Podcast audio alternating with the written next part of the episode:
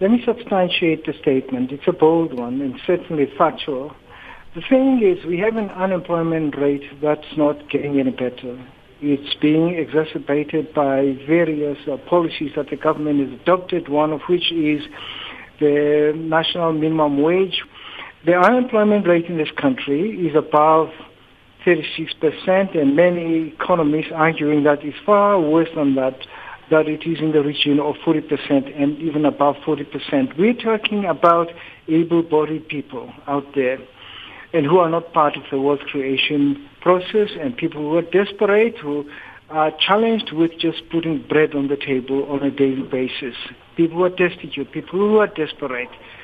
That's the situation we're talking about. Die geld wat op staatsondernemings bestee word, is 'n groot bydraende faktor tot die stand van die land se ekonomie. And we are now pouring 5.2 billion rand into this abyss that is known as South, as South African Airways.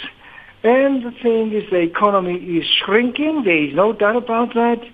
And so we are not doing anything at all in terms of policies in place uh, dealing with having to ameliorate the unemployment situation in this country. And the thing is, what should be borne in mind is because the economy is shrinking, all other social indicators of human well-being are negative. And it is not foreseeable that any of the crises uh, that prevails at the moment can be averted or ameliorated because everything is just going wrong in this country. And so the thing is, if somebody says this is not a tipping point, then they must be living on another planet. Een wyse waarop die armes bemagtig kan word, is dat aan hulle aandele in staatsondernemings gegee word. This this measure, this policy measure was implemented in the Czech Republic when it was part of Czechoslovakia. So that involved uh, the Slovak Republic as well.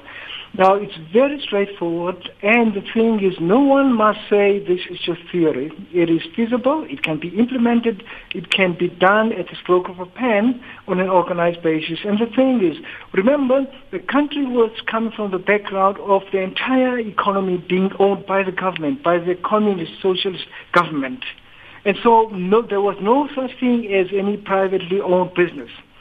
So imagine the whole population of that country having shares in the state enterprises they had chosen to have shares in.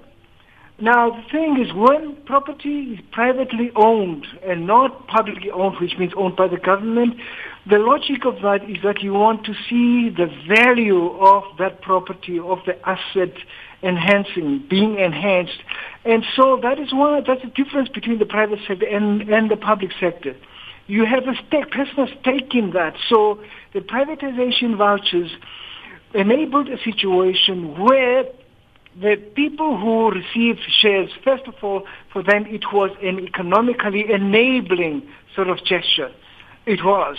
And so it explains the fact that that country transformed from this economically dormant, poor country by European standards or even global standards, where it became one of the most successful economies in the world. And so this is what I'm talking about. And so instead of pouring all these billions, 5.2 billion rands into SAA, you know, this abyss, you know, from which nobody gets any returns, it is just a stuck misuse, criminal misuse of taxpayers' monies. That's what it is. So the alternative to that would be privatization vouchers, coupons, and so on, and you give these to poor people on a on a means-tested basis right across the spectrum. It should not be just for black people. It will be for poor people right across the social spectrum. And then you will see things happening.